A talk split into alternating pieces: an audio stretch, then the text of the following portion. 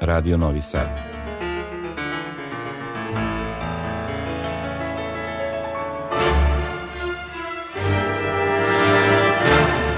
Domaća muzička scena.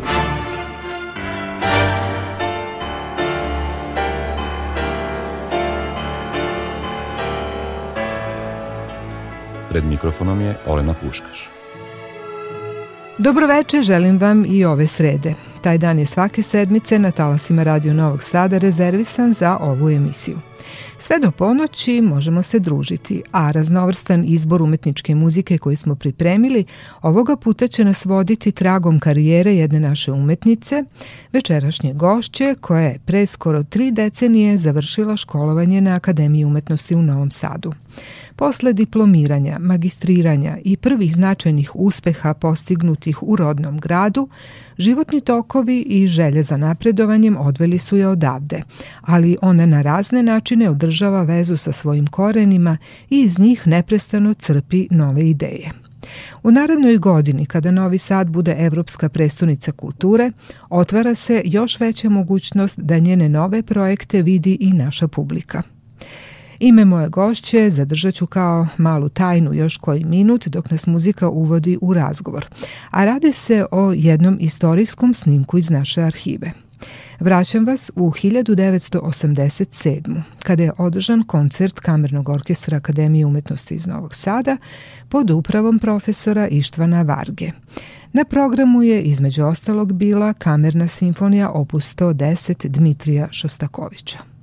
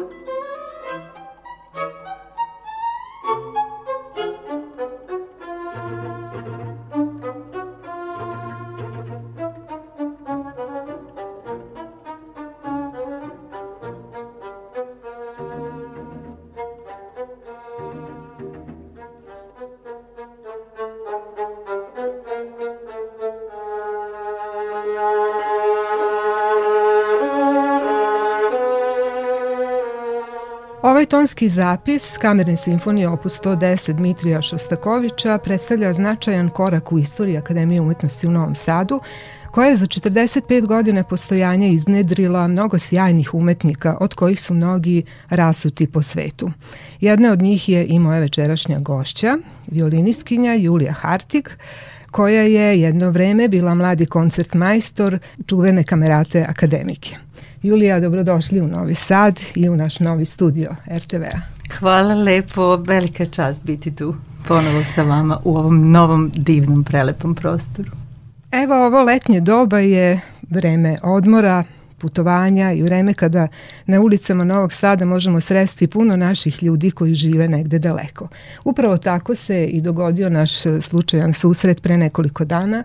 Došli ste ovde iz Holandije koja je sada vaša druga kuća na par nedelja na odmor. Otkrili ste mi u neformalnom razgovoru puno, puno zanimljivih, lepih novosti, pa evo sad imamo priliku da to podelimo sa našim slušaocima.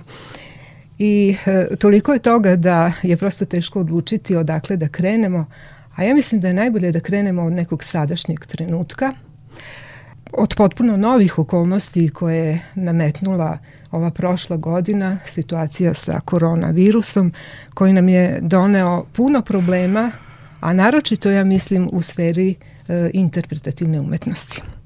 Kako ste vi prošli kroz 2020. i kako ste se nosili s njenim izazovima? Pa e, za mene lično 2020. počela jako uzbudljivo zato što je jedan od mojih ansambala Rockted, e, čiji sam ja i e, jedan od rukovodioca, izdala CD i imali smo prezentaciju, leteli smo jako visoko negde tamo početkom februara i onda je u jednom trenutku sve prestalo i stalo. I počeli su neki čudni i lični gubici i dragih osoba i naravno opšta i sveopšta panika i neizvesnost šta će od ovoga svega da bude. Znači počelo je sve je li onako uh, jako jako e, prijatno i onda je sve stalo što je na neki način ja mislim kako sam ja to doživela kroz sebe, a i kroz celo društvo i, i moje prijatelje i, i kolege, jako, jako dugogodišnje očekivani odmor. Jedan mentalni, psihički i uh, ovaj, pouz. Jednostavno sve se zamrzlo i imali smo po prvi put mogućnost samo refleksije, uh, E, preživljavanja nekih stvari koje je svako u nekoj trci sam za sobom i za svojom agendom koja je prepuna 10 godina od sada e, nadalje, je li to je sve prestalo i za nas u onom svetu gde je zaista vreme jedna e, da ne kažem vreme je novac, ali vreme je jedna jako dragocena komponenta života i sa njom se e, zaista jako ozbiljno e, pristupa toj komponenti i odjedanput je agenda prestala da bude puna i odjedanput su se sve stvari otkazale i odjedanput je čovek ostao sam sa sobom i sa svojim sadržajem. I sad kada me pitate kako je ta godina za mene bila posle tog jeli, burnog i divnog početka, uh, moram da kažem da je taj unutrašnji sadržaj uh, e, za mene bio jako interesantan i ja sam negde našla kanal i način adaptacije e, i nove forme i pristupa, pošto smo svi postali strašno kreativni, jer koncertne sale su prestale da žive, e, publike nije bilo uživo, Znači morali smo da budemo veoma kreativni, snimali smo se kod kuće, pa smo čak i zajedno svirali jedni sa drugima kroz e, mikrofone i iPhone-ove koji su se posle montirali snimci da bi ispali kao jedan. To je bilo zaista jedno vreme kad smo naučili jako mnogo o tehnologiji i o njenim mogućnostima i naučili smo da e, ono što je dragoceno je šta nama samima muzika znači jer moram da priznam da smo u tim prepunim agendama izgubili negde uh, onu najvažniju uh, našu sobstvenu povezanost sa značajem muzike u našim životima, svirajući ih drugima i e, non stop zadovoljavajući neku formu da, za publiku. se nekih termina. Tako je, tako obaveza. je. I nekada čovjek posle trećeg koncerta tog istog dana više ne znaš ni šta si kome svirao, ni zašto, ni šta je to, kako je bila, kako je išla ona kompozicija. Sve nešto bilo na pokretnoj traci kao i u ostalom sve oko nas, koja god komponenta druga e, se uzme da se analizira u našim tren, mislim u našem svetu i na, našem životu. Tako da to je bio jedan interesantan zastoj u tome svemu i povratak nekim e, nekim zaista sobstvenim vrednostima, jer smo samo ostali sa njima i kogod je uspeo da pronađe u sebi motivaciju za bilo kakav stvaralački rad, on je uspeo ovu godinu da preživi. Tačnije, mislim, do sada. Sad, sad ćemo da vidimo u ovim narednim vremenima kako će to... Kažite dalje. nam samo koje su vaše redovne aktivnosti. Vi ste uh, najduže, koliko ja znam, e, član radio orkestra Amsterdama ili tako? Tako je, ja sam ovaj, uh, od 2000. godine posle dugogodišnjih studija u Holandiji koje su meni bile spas i mogućnost odlaska i boravka u, u, u Holandiji e, dobila zaposlenje u orkestru holandskog radija koji između ostalog e, svira jednom nedeljno i u Koncertgebau u Amsterdamu, koncerte i koji je na svu sreću isto uspeo da svira celu godinu zahvaljujući mikrofonima jer se svaki naš koncert uživo prenosi publici. Tako da smo mi i dalje imali funkciju sviranja publici, naravno na jedan jako bizaran način. Um, i razdvojeni i odvojeni na jedan i po metar i tako dalje, što je isto bio veoma dobar trening, jer je čovjek morao da svira zajedno pod uh, raznim okolnostima i uslovima. I uh, to je jedna od mojih aktivnosti, znači ja imam jedan deo posla u tom imala sam do sada 50% e, radnog, e, kako se to kaže, zaposlenja, mm -hmm. rad, procenta norme. Norme, da. I ovaj, osim toga se bavim, ja sam jedan muzički nomad.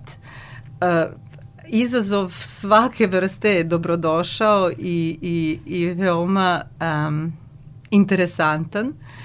I tako da sam E, član mnogih e, sastava, član sam sastava sa samom sobom ovaj, e, i osnivač sam jedan od inicijatora i članova i osnivača i upravnog odbora orkestra Ludwig koji sa Barbarom Hanningen uh, ima često projekte od 2011. Uh, osnivač sam jednog od uh, interesantnog podijuma Splendor u Amsterdamu E, isto sam jedan od muzičar, e, nas 50 smo muzičari Splendora, gde e, imamo naš sobstveni sadržaj, naše, naš, naš programski, našu programsku, sobstvenu programsku nit i eksperimente i znači šta god dođe e, kao znak pitanja, ja se trudim da na njega odgovorim nekim mojim sobstvenim umetničkim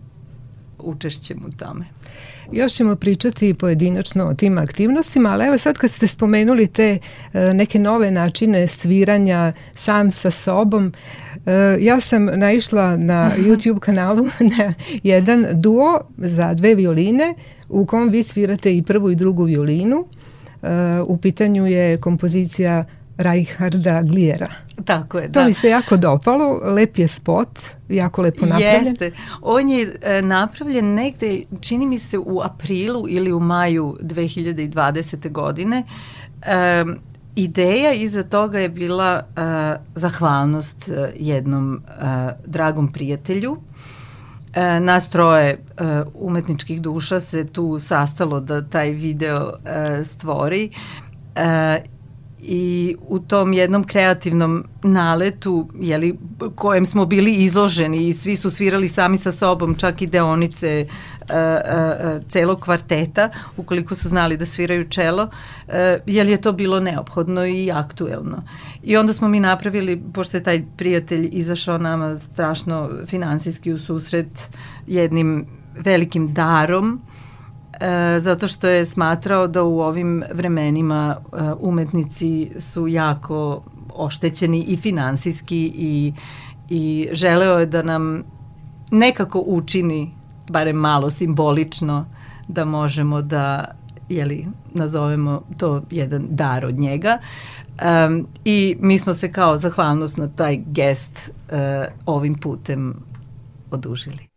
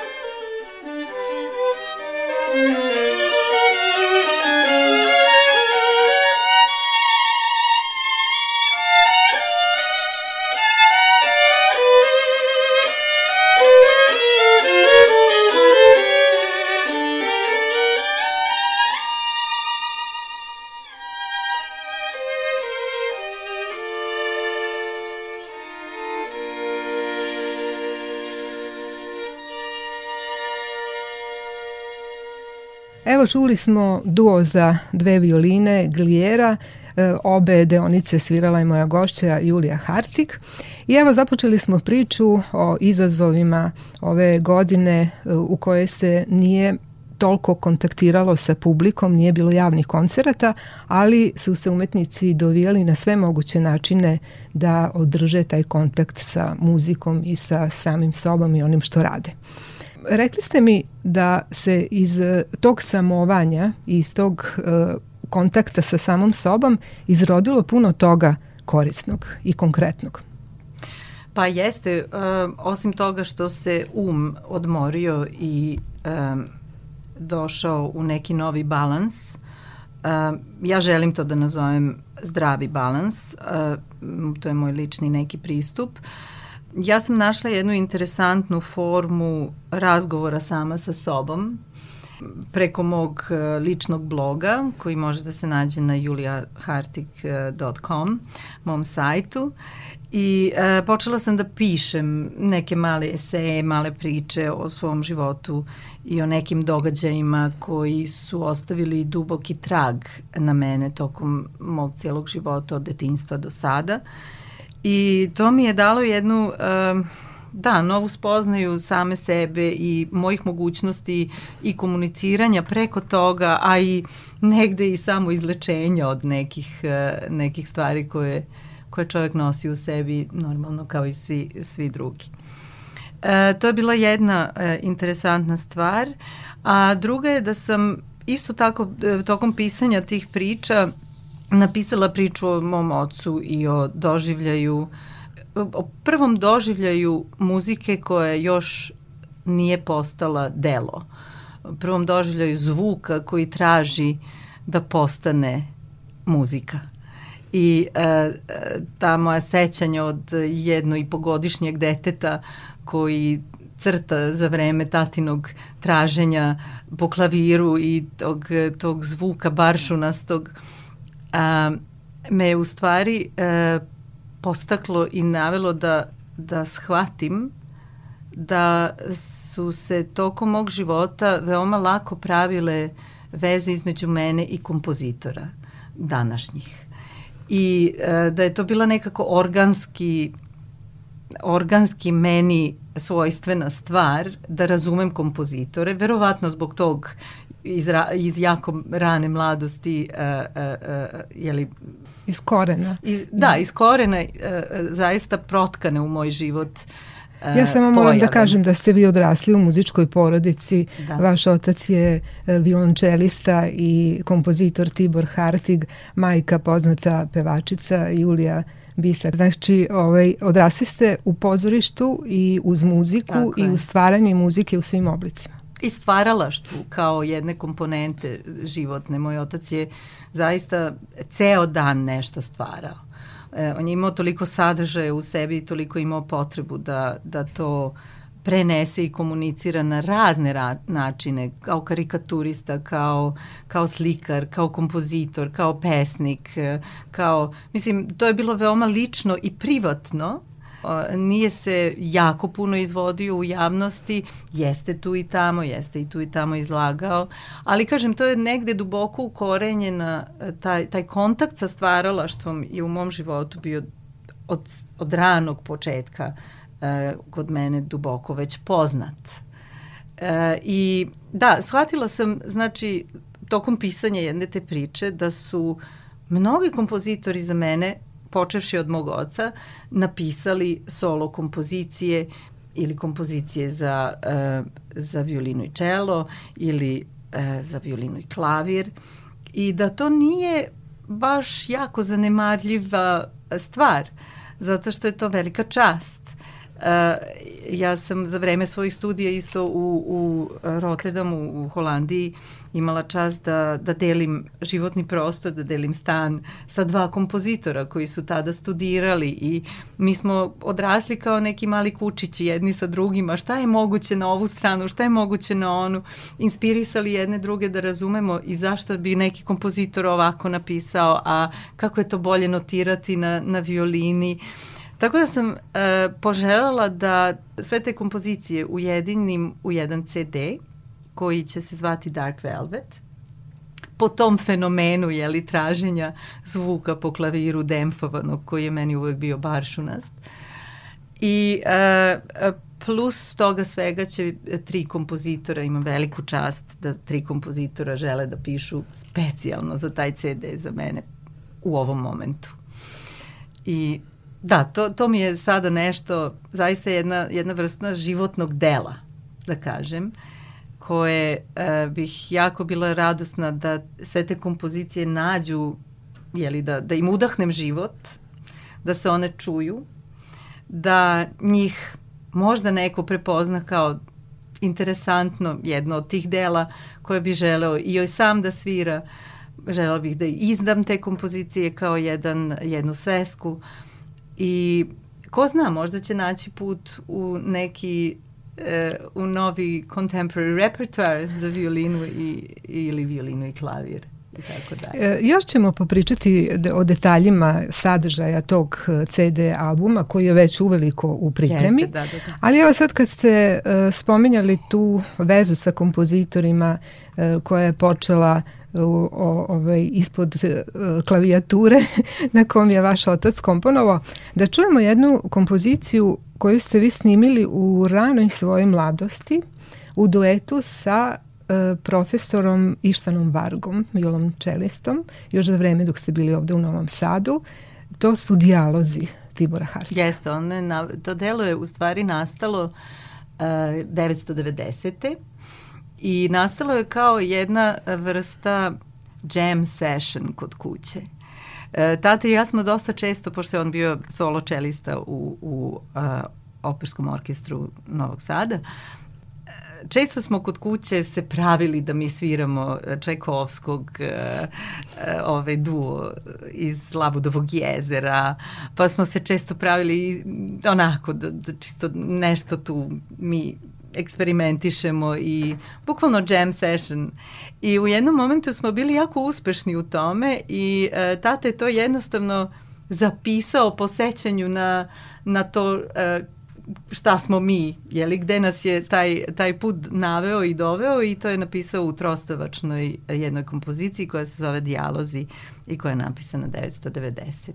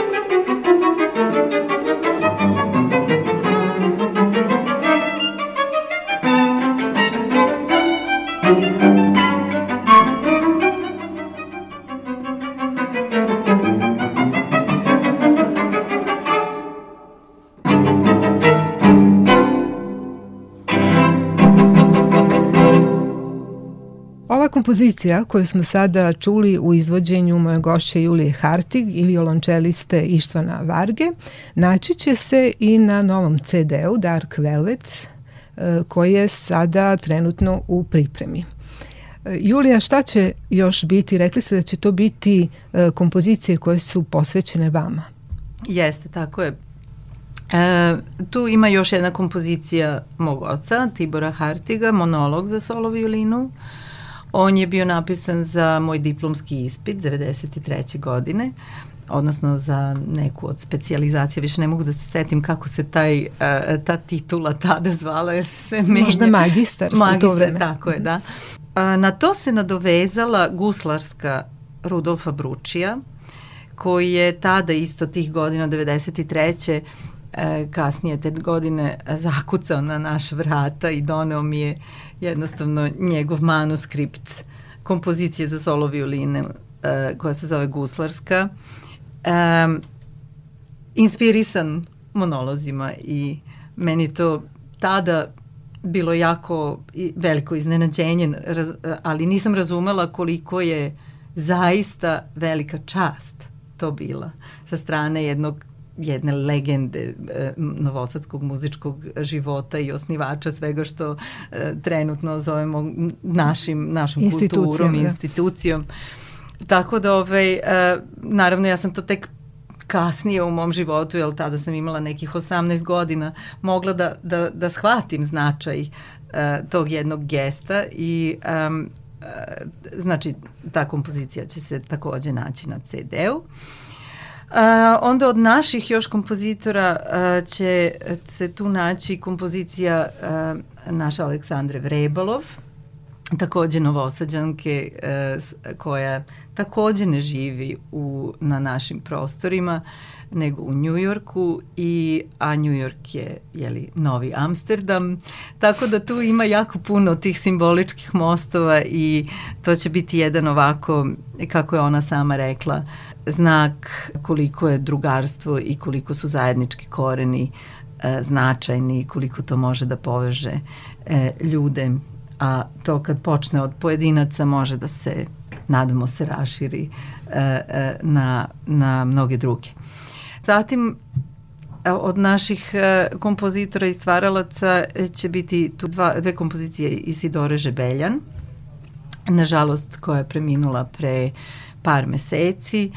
Um, ja moram da uh, podsjetim naše slušalce da ste vi sa Isidorom Žebeljan odavno imali vrlo, uh, vrlo tesnu i privatnu i poslovnu saradnju. Tako je, to je bila jedna ta homogena, što ja kažem, homogena veza sa jednim od kompozitora u mom životu. Isidora je meni jako puno značila i kao prijatelj, i kao kompozitor, i kao umetnik, i stvaralac, i, i jednostavno neka vrsta a da to čovek tada nije bio svestan i gurua. Jer je ona bila izuzetno uh, duhovno nastrojena i opredeljena, odnosno okrenuta duhovnom svetu, a sa jednim neverovatnim i neviđenim žarom e, za stvaranjem i, i jednim muzičkim plamenom koje ona, ona je pržila na sve strane mm -hmm. od muzike. I uh, jedna od mojih od kompozicija koje, koje su mene opsedale Isidorinih, e, najviše, pošto ih ima puno, e, su bile rukoveti, jesu rukoveti za sopran i orkestar, ima ih u preradi za klavir e, i sopran, i tražila sam od nje da mi preradi jednu kompoziciju, tačnije za poslednju pesmu, broj 6, Ej dušo, E, tražila sam da mi preradi tu kompoziciju koja je svega tri minuta um, za violinu, klavir i moj sobstveni glas. Što je, što je veoma što će biti prvi put izazov. Mm -hmm. Da. E, to će biti prvi put da ću ja e, to nadamo se uspeti da izvedem, a ako to uspem da izvedem onda znam da je da je to da, da će to biti uh, zaista nešto jako, jako uh, dragoceno. I uh, sasvim slučajno jedna od kompozicija Isidorinih uh, se zove Dark Velvet, koji je tačno to što je za mene e, je li opis ovog celog CD-a. Ta kompozicija je originalno napisana za solo e, klavir, ali će Isidorin veoma, veoma poštovan i e, drag student koji e, trenutno je zaista na jednom neverovatnom nacionalnom i internacionalnom usponu sa obećavajućom karijerom Veljko Nenadić. On će za mene pre, e, znači napraviti aranžman te kompozicije Isidorine, a on će isto sam i pisati jedno delo, pošto sam ga ja zamolila i on je naravno bio veoma a, da ne kažem sada počastvovan, ali je bilo interesantno da je on mene slušao kao jako mlad u, kako izvodim domaće kompozitore i od uvek je bio znatiželjan prema mojim interpretacijama, tako da je sa velikom radošću prihvatio taj, tu, taj poziv.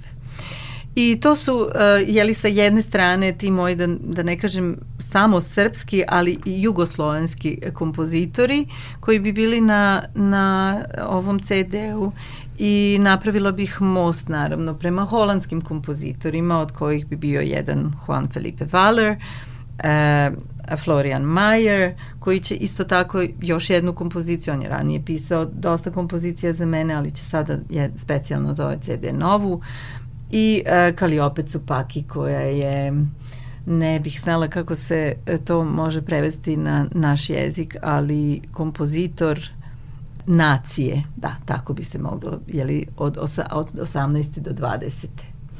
Sve ovo što ste sada da. rekli, to, to liči na jedan most o, o, između vaše dve kuće, Tako Novog je, da. Sada i Amsterdama. I kulture. I dve, dve kulture, kulture i u kojima ste odrasli i u kojoj sada živite. Dakle, jedna sjajna stvar. Uh, da kažem, taj CD je sada u pripremi, još se radi na njemu, ali evo sada da malo predahnem uz neku muziku, evo spominjali ste uh, kompozitore s kojima ste sarađivali, imamo jedan snimak e, kompozicije Aleksandre Vrebalov. To je Panonija Boundless. Panonija Boundless. Zapis je sa Neo festivala 2018. 2018. E, I u, to je kvartet, e, u kvartetskoj verziji izvođenje, e, za šta je i pisana kompozicija. E, ja tu zajedno izvodim sa Benjaminom e, Zirvohlom, mojim dragim bratom Jožefom Bisakom, sa kojim je uvek veliko veselje kad se nađemo na, na istom podijumu i Markom Miletićem.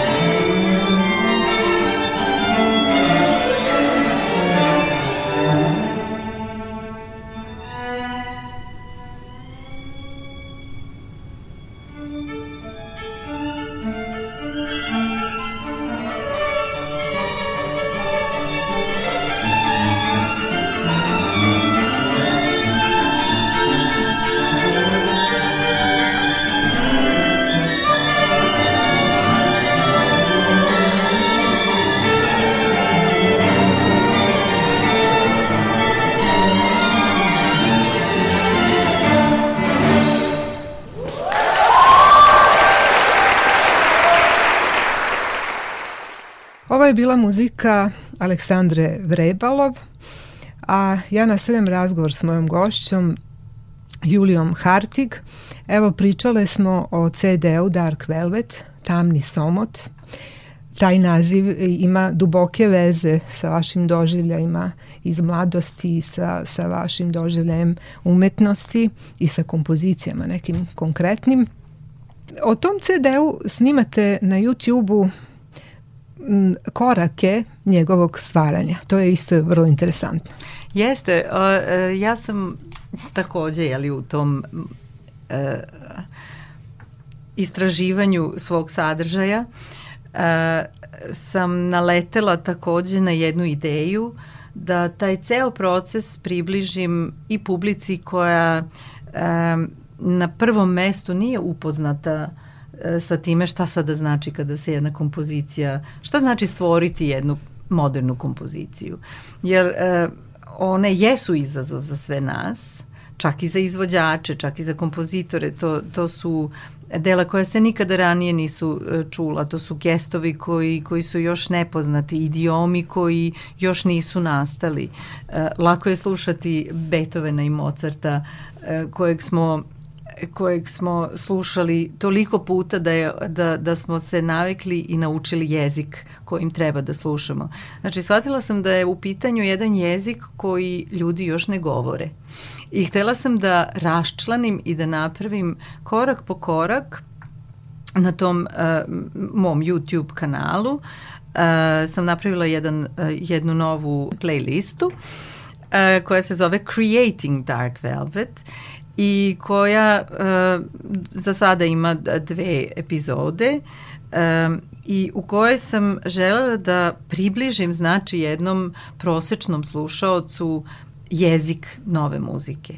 E, dakle, razgovori sa kompozitorima, razgovori sa kompozitorima koji su baš sada u procesu e, e, kreiranja e, tih zvuka koje ću ja pre, e, posle toga e, pokušati da pretočim u jednu kompoziciju. E, zašto baš tako? Ako nadam se da recimo proces vežbanja i proces kada bude se videli šta to znači otpevati e, zajedno sa, sa e, tu deonicu glasa sa Isidorinom e, prekomplikovanom i, i matematički užasno složenom e, deonicom violine e, i šta znači naučiti taj tekst i, i tako malo približiti, kažem, taj e, kao neka vrsta rečnika. To je jako važno, zapravo poznato je da ljudi vole ono što poznaju, što Tako prepoznaju. Je, da, da, da, to im je uvek bliže i tu se konfornije i bolje yes. osjećaju, ali je izazov otkriti nešto novo, naučiti jedan novi jezik, komunikacije, o tome vi uh, i pišete da, da, u, u, mislim u onoj pričici baš Dark Velvet. Yes. Tako da je to bavljenje savremenom muzikom je jedan veliki deo vašeg posla, bez obzira što vaš repertoar e, sadrži muziku od baroka do današnjih dana. Tako je, da, da. Dakle, puno se bavite tom savremenom muzikom i očigledno vam je to jako važno. E, taj CD je još uvek u nastajanju i uh, vi ste u stvari za taj projekat uh, podržani u Holandiji, je tako? Jeste, ja sam uh, jednim delom sufinansiran je CD, jednim delom uh, od strane uh, Sene. Uh, Sena je jedna institucija kao što bi to bilo, ne znam sada kako se to kod nas zove, ali recimo autorska prava. Uh mhm. -huh. I oni imaju svoje fondove za kreiranje novih e, CDA i ja sam se tu prijavila i naletela sam na jako, jako e, darežljivu podršku i to mi isto uliva poverenje da, da taj ceo projekat zaista ima smisla i da ima interesa prema njemu.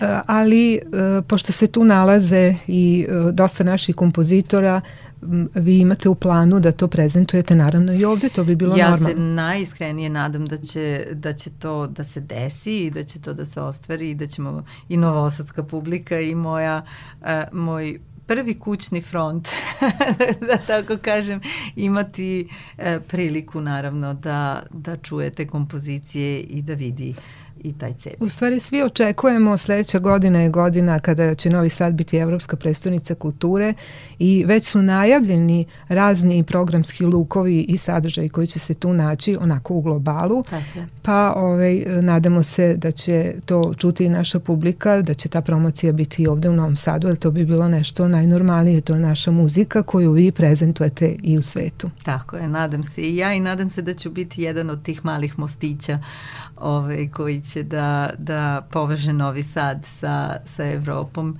jer e, se ja lično tako osjećam. Lično se osjećam da je to toliko dragoceno i svaki put kad dođem u Novi Sad i provedem dobro jedno vreme aklimatizacije i, i, i tog prvog kulturnog šoka, jer je to stvarno nebo i zemlja uh, razlika između ovog sveta i uh, nordijskog, holandskog pristupa životu i baš sam, baš sam juče razmišljala koliko je to dragoceno imati oba aspekta um, spoznaje mogućnosti i načina života i razmišljanja sa sa toliko velikom e, sa toliko velikim jazom između i e, osjećam se kao da sam veoma počastvovana da da sam našla način da popločam i da stvorim jedan most između te dve kulture i načina razmišljanja. I mislim da me to izuzetno obogaćuje kao ličnost. Sada ćemo napraviti predah uz muziku Felixa Mendelsona. To je jedno uh, kapitalno delo kamerne muzike, njegov oktet koji vi svirate sa svojim ansamblom Roktet, a posle ćemo nešto reći o njemu.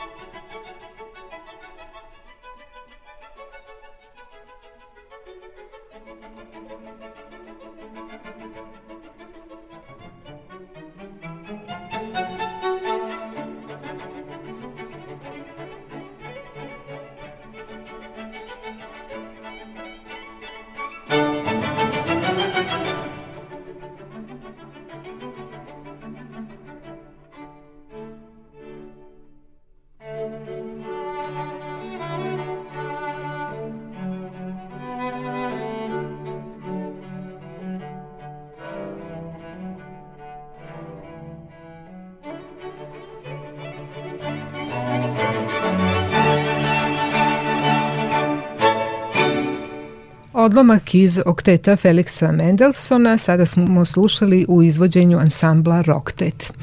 A moja gošća je violiniskinja Julija Hartig, e, vođa i član tog ansambla e, s kojim radite u Holandiji, pa recite nam nešto više o tome i, i o vašoj stvari želji da taj ansambl predstavite i našoj publici. Pa evo ovako, Roktet je jedan od ansambala uh, u kojima ja imam čast da učestvujem i da budem deo. Uh, prvo da kažem, to je ansambl sačinjen isključivo od članova našeg orkestra.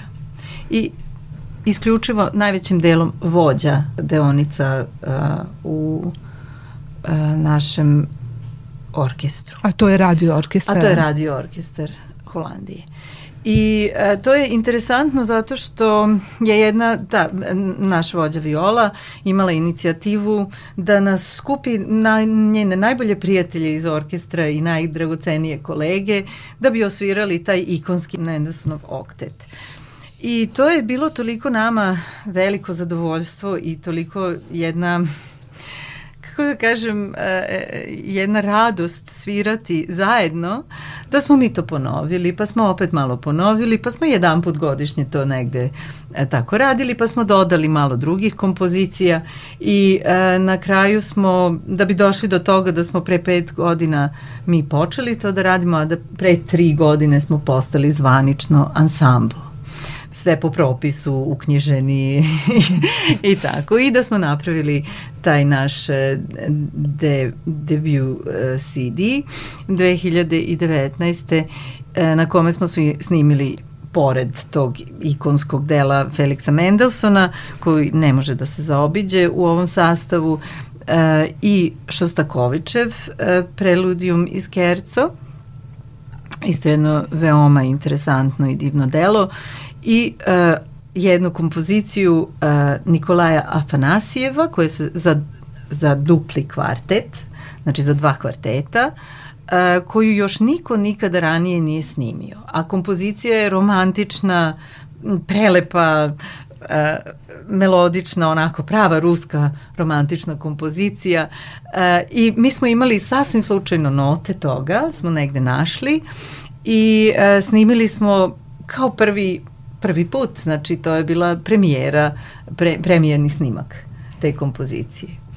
I to je možda interesantno a, kada, kada se bavimo tim našim prvim CD-om koji se i zove Housewarming, jer se kompozicija zove Novoselje, što je ritual a, dobrodošlice u novu kuću i useljenje. Kad ste tako lepo opisali tu kompoziciju, onda ćemo i poslušati jedan deo iz nje, da svi zajedno uživamo u tome.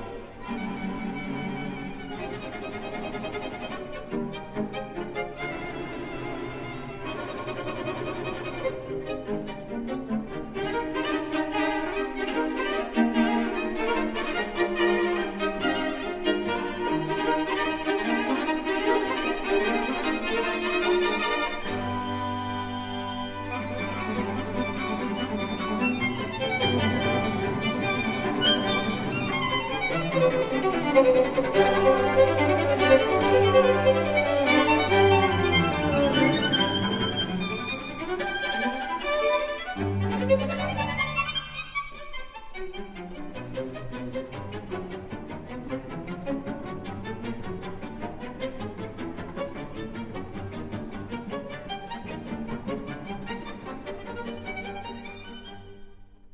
Gošća emisije Domaća muzička scena je violiniskinja Julija Hartik. Večeras slušamo e, njene interpretacije kako solističke, tako i sa raznim ansamblima s kojima ona svira u Holandiji gde sada živi.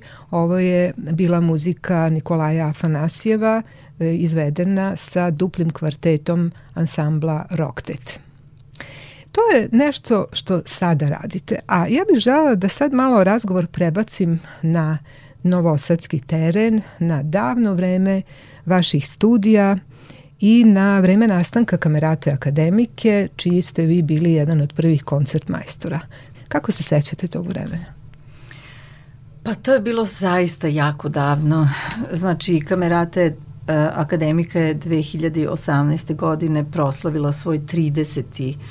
30 jubileum od postojanja, znači to je zaista davno bilo. Um, ja sam 87. godine uh, upisala Akademiju umetnosti u Novom Sadu i kao veoma mlad student sa 15 godina um, i potpuno sam bila neiskusna i, i premlada za jedan takav jako važan zadatak uh, koji je za, mislim, u roku od godinu dana postojanja kamerate meni bio predat. Znači da vodim uh, bez dirigenta, Uh, sećam se, to je bilo jedno, jedne prilike u, u, u, jednom prilikom kad smo putovali da li u Suboticu ili u Sombor, sedeli smo u autobusu i uh, profesor Ištvan Varga koji je bio umetnički rukovodioc uh, dugo godina uh, i solista tadašnji e, profesor Nikola Srdić e, su došli do mene i rekli su, znate, Julija, Varga meni uvek persirao, iako sam imala 16 godina tada, znate Julija, mi smo odlučili da ćete vi od sada voditi kameratu, a mi smo na putu na koncert. U autobusu. U autobusu.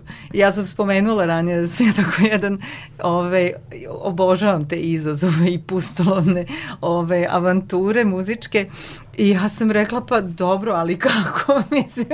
I to veče ja sam vodila kameratu i čini mi se da smo svirali i simfoniju koncertante sa Dejanom Bogdanovićem tada i Mladenovićem na violi. Mlađen. Mlađenovićem, da. I, e, Da, to je bilo onako je, na prepad, koncert majstor na prepad. Taj koncert je fino prošao i ja sam tako ostala da vodim sve dok nisam otišla u Holandiju, e, taj naš mali kamerni orkestra. Mi sada, posle 45 godina i više od, od otvaranja Akademije umetnosti u Novom Sadu, često spominjemo te prve decenije onako sa čežnjom i sa jednim osjećanjem kako je tada sve bilo u nekom usponu, u nekoj uh, uh, euforiji, da kažem, od rasvetavanja talenata i, i uh, mnoštva profesora koji su ovde dolazili sa raznih strana sveta da prenose iskustvo Kak, kakva je bila gudačka katedra u to vreme kada ste vi ovde studirali?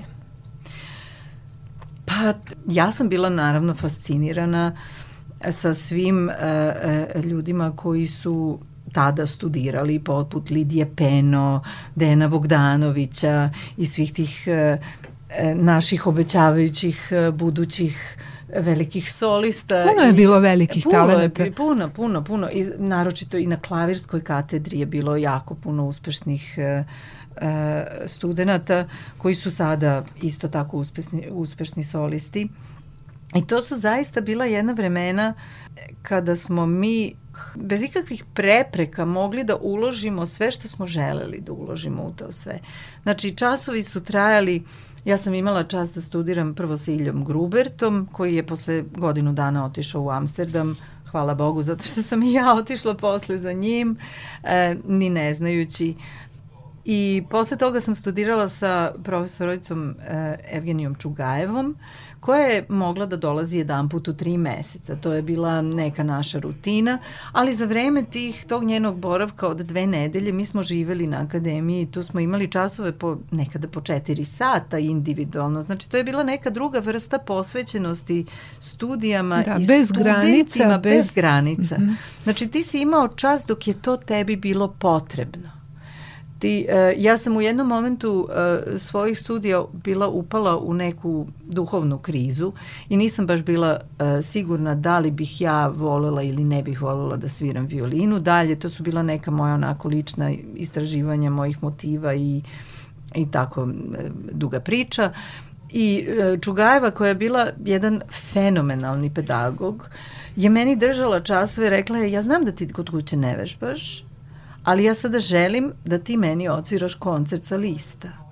Znači ja sam sa njom uspela da naučim prezentovanje samog sebe bez da znaš teksta na sceni. I to, naravno, ta faza je brzo prošla i, i, i sve se vratilo ponovo u normalu, ali hoću da kažem da sam imala uh, čak i to dragoceno iskustvo da sa nekim ko je zaista tako vrhunski pedagog može da, da prodre dublje nego samo uh, ta forma koja je jedan sat čas, uh, ta i ta etida, uh, i tako dalje. Mislim, ja sad ne znam kako, kako se, naravno nisam na akademiji već jako dugo, ne znam kako se danas drže časove, ali danas živimo u takvom svetu i pretpostavljam da je forma je jako, jako bitna. I vreme je novac. I vreme je novac, tako da ta vrsta da smo mi bukvalno kampovali na akademiji, to više, to, to jako mi je drago da sam imala čast da, da mogu da shvatim da je bavljanje umet, umetnošću i muzikom to. Ja negde mogu da prepoznam da vi stvarno ulažete dosta napora da ostanete u tesnoj vezi e, sa muzičarima odavde i da se trudite da prenesete ta vaša novija iskustva ovde i uh, kad god možete i sada uskačete u stvari u koncerte Kamerate Akademike, da. tako je bilo i te 2018. Da, da, da. kada su vas pozvali, to je bio jedan spektakl, koncert u Katoličkoj porti. Tako je, da da. Kako se sećate tog događaja? Uh, pa... Um, tu su se u stvari trudili organizatori da pozovu nekadašnje članove ka tako kamerata. Tako je, i profesor Ištva Varga je svirao tada dupli koncert Dragana Jovanović sa uh, sadašnjim uh, vođom kamerate Markom Miletićem i um, da, to, to je bilo to je bilo interesantno iskustvo. Interesantno je bilo i to što smo delili e, sa Mikom e, isto koncert majstorsko, znači danas i prošlost e, su se tu sjedinile na toj proslavi I naravno za mene je svaki put svirati u Novom Sadu jedna, jedna veoma e, moram da priznam čak i stresna situacija zato što čovek želi e, čovek želi da opravda i svoj odlazak i želi da, da pokaže da je to nečemu ipak e, služilo, a naravno ono što je najdragocenije šta čovek može da postigne u svom životu je predati svoje iskustvo nekom drugom i na taj način održavati uh, vrednosti i razvijati svest. Evo sada prilike da poslušamo jedan uh, insert uh, tonski zapisa tog koncerta. Ja moram da napomenem da je koncert možda malo tonski nesavršen pošto je pravljen na polju u vrevi gradskog života, ali I je interesantno. 43 stepena. Tako je, da, u sred leta, da, da, da. ali uh, će biti interesantno jedan odlomak iz koncerta Grossa Palladio.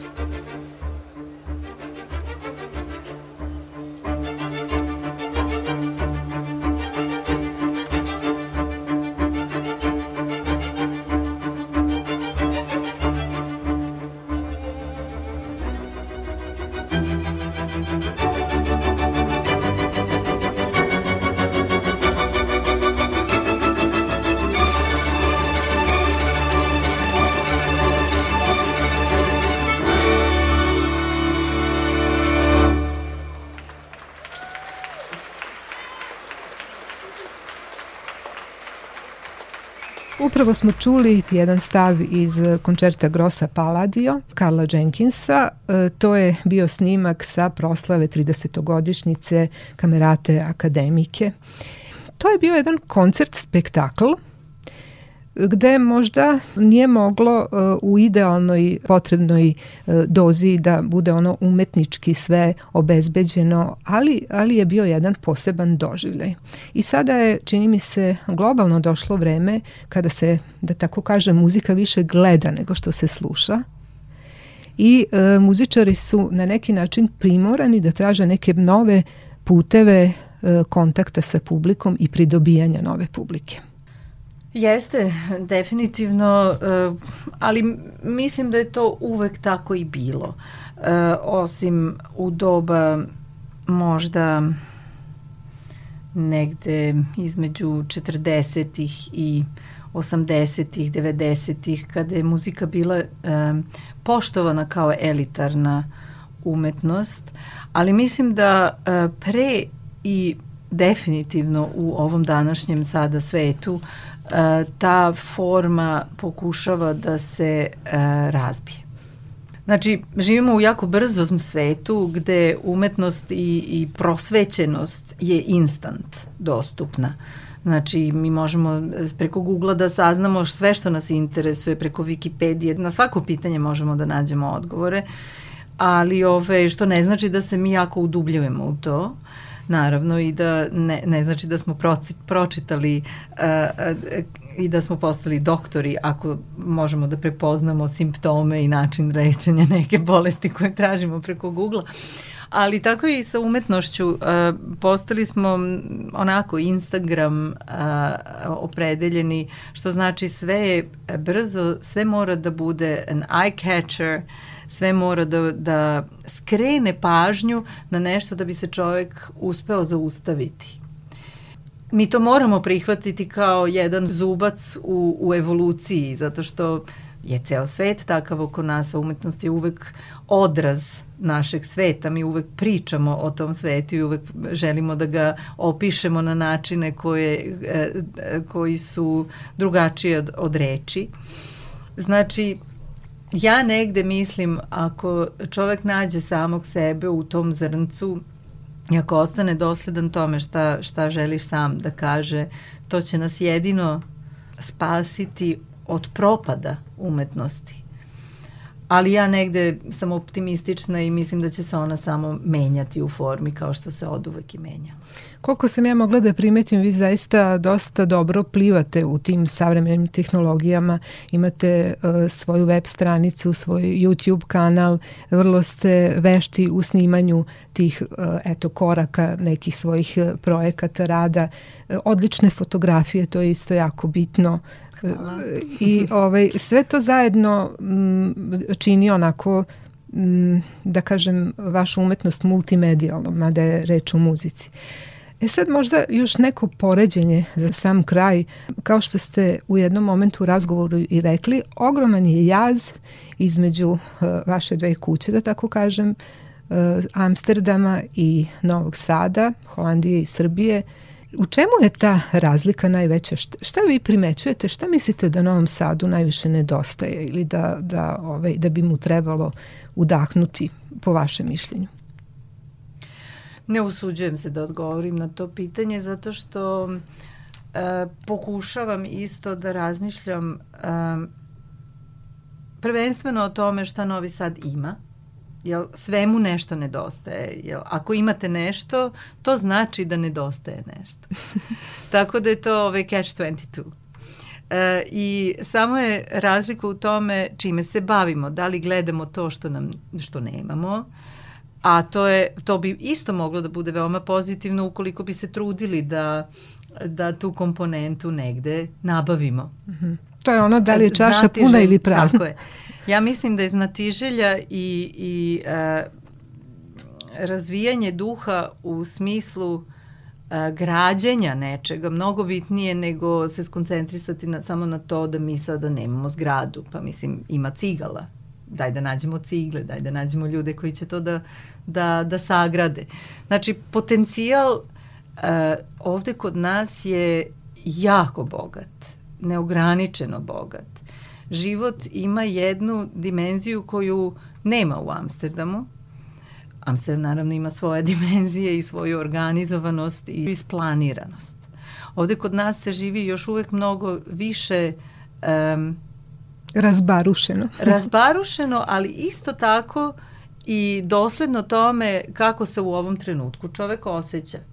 Vi možete da isplanirate kafu u Amsterdamu, sled, mi, mi smo mogli da se nađemo na ulici isto tako ovaj, u našem komšiluku i da kažemo, ej Olena, kada ćemo kafu? I da izvadimo naše teftere i da se dogovorimo da će ta kafa da se desi negde sledećeg meseca u sredu u 12 sati, ali mi smo to odlučili ovde spontano. To, to, to se recimo u Amsterdamu ne bi moglo desiti zato što niko spontano nema vremena, zato što je agenda već una, unazad mnogo, mnogo ovaj, davno isplanirana i čovjek nekada i ima neki, neku isplaniranu kafu koja više nema nikakvog smisla, ali naći će se smisao zato što ona stoji, stoji kao isplanirana, znači moramo da verujemo da smo nekada imali viziju toga šta bi bilo najbolje. Znači radi se samo o tome da li pratimo neku viziju što znači gradimo daleko u budućnost i naši koraci uh, nadamo se, oni uvek negde drugde uh, nas dovedu nego gde, gde mi mislimo da hoće, ali uh, barem nas vode u pravcu u kojemu želimo da se krećemo. Dok je ovde život mnogo više stihijski i to naravno ima e, e, jako puno, za to ima jako puno razloga. To je jednostavno društvena struktura koja je takva već jako dugo i ne, određeni nedostaci e, finansijski ili nešto navodi ljude da budu mnogo kreativniji na kratke staze i da se mnogo brže prilagode nekom pro, rešavanju nekog problema ili e, jeli, odstupanju od, od tih nekih generalnih vodilja na, na putu. I to je isto izuzetno šarmantno i ja mislim darovito zato što smo mnogo, sad kažem smo, jeli, jel to prepoznajem kod sebe kada živim u Holandiji i ako se desi neki problem, ja sam apsolutno kao je, hura, daj da smislimo sada, to je izazov. Mi živimo u jednom konstantnom uh, uh, stanju izazova ovde u, u ovom našem svetu, Srbiji. Tako da je i to nešto dragoceno što treba u nama uh, da, da razvijamo svesni da je to to a ne da se žalimo kako jao mora ovo i mora. Ne, biti kreativan je nešto, kako sam ona pročitala, je inteligencija koja se igra svaki dan. E, to, to ste divno rekli. Pa evo, neka bi to bio i nekakav zaključak cijele ove naše priče i ovog našeg razgovora, kreativnost, kreativnost i nema nikakvog problema koji se ne može rešiti. A za kraj predlažem da čujemo e, sonatu Ljubice Marić. Sonatu koju ste snimili 2004. na Nomusu u saradnji sa uh, jednom pijanistkinjom s kojom i sada sarađujete. Jeste i ona će biti uh, uh, pijanista na mom CD-u. Ona se zove Renike Brookhans i mi već sarađujemo od naših studentskih dana na istom konzervatorijumu. Smo studirale u Rotterdamu i od onda smo slepljene mentalno jedna za drugu kada dođe do violine i klavira. I evo sada, dakle, snimak iz 2004. Da. Hvala lepo, moja gošća je bila Jurlija Hartiga. Hvala vama.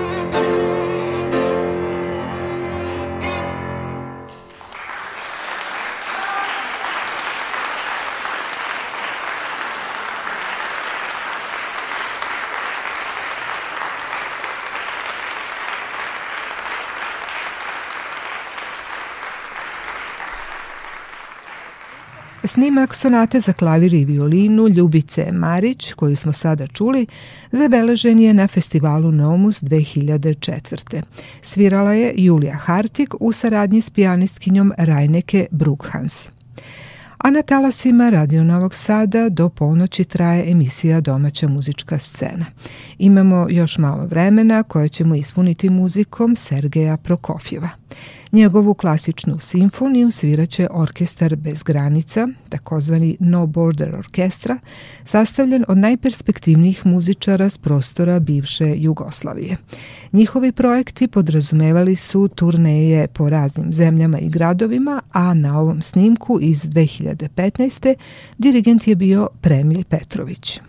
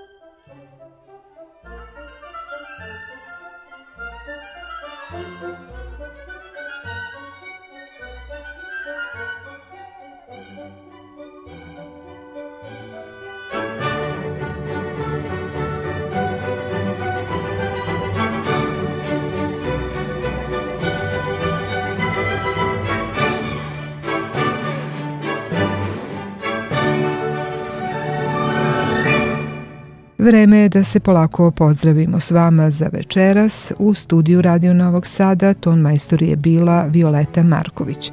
Moje ime je Olena Puškaš.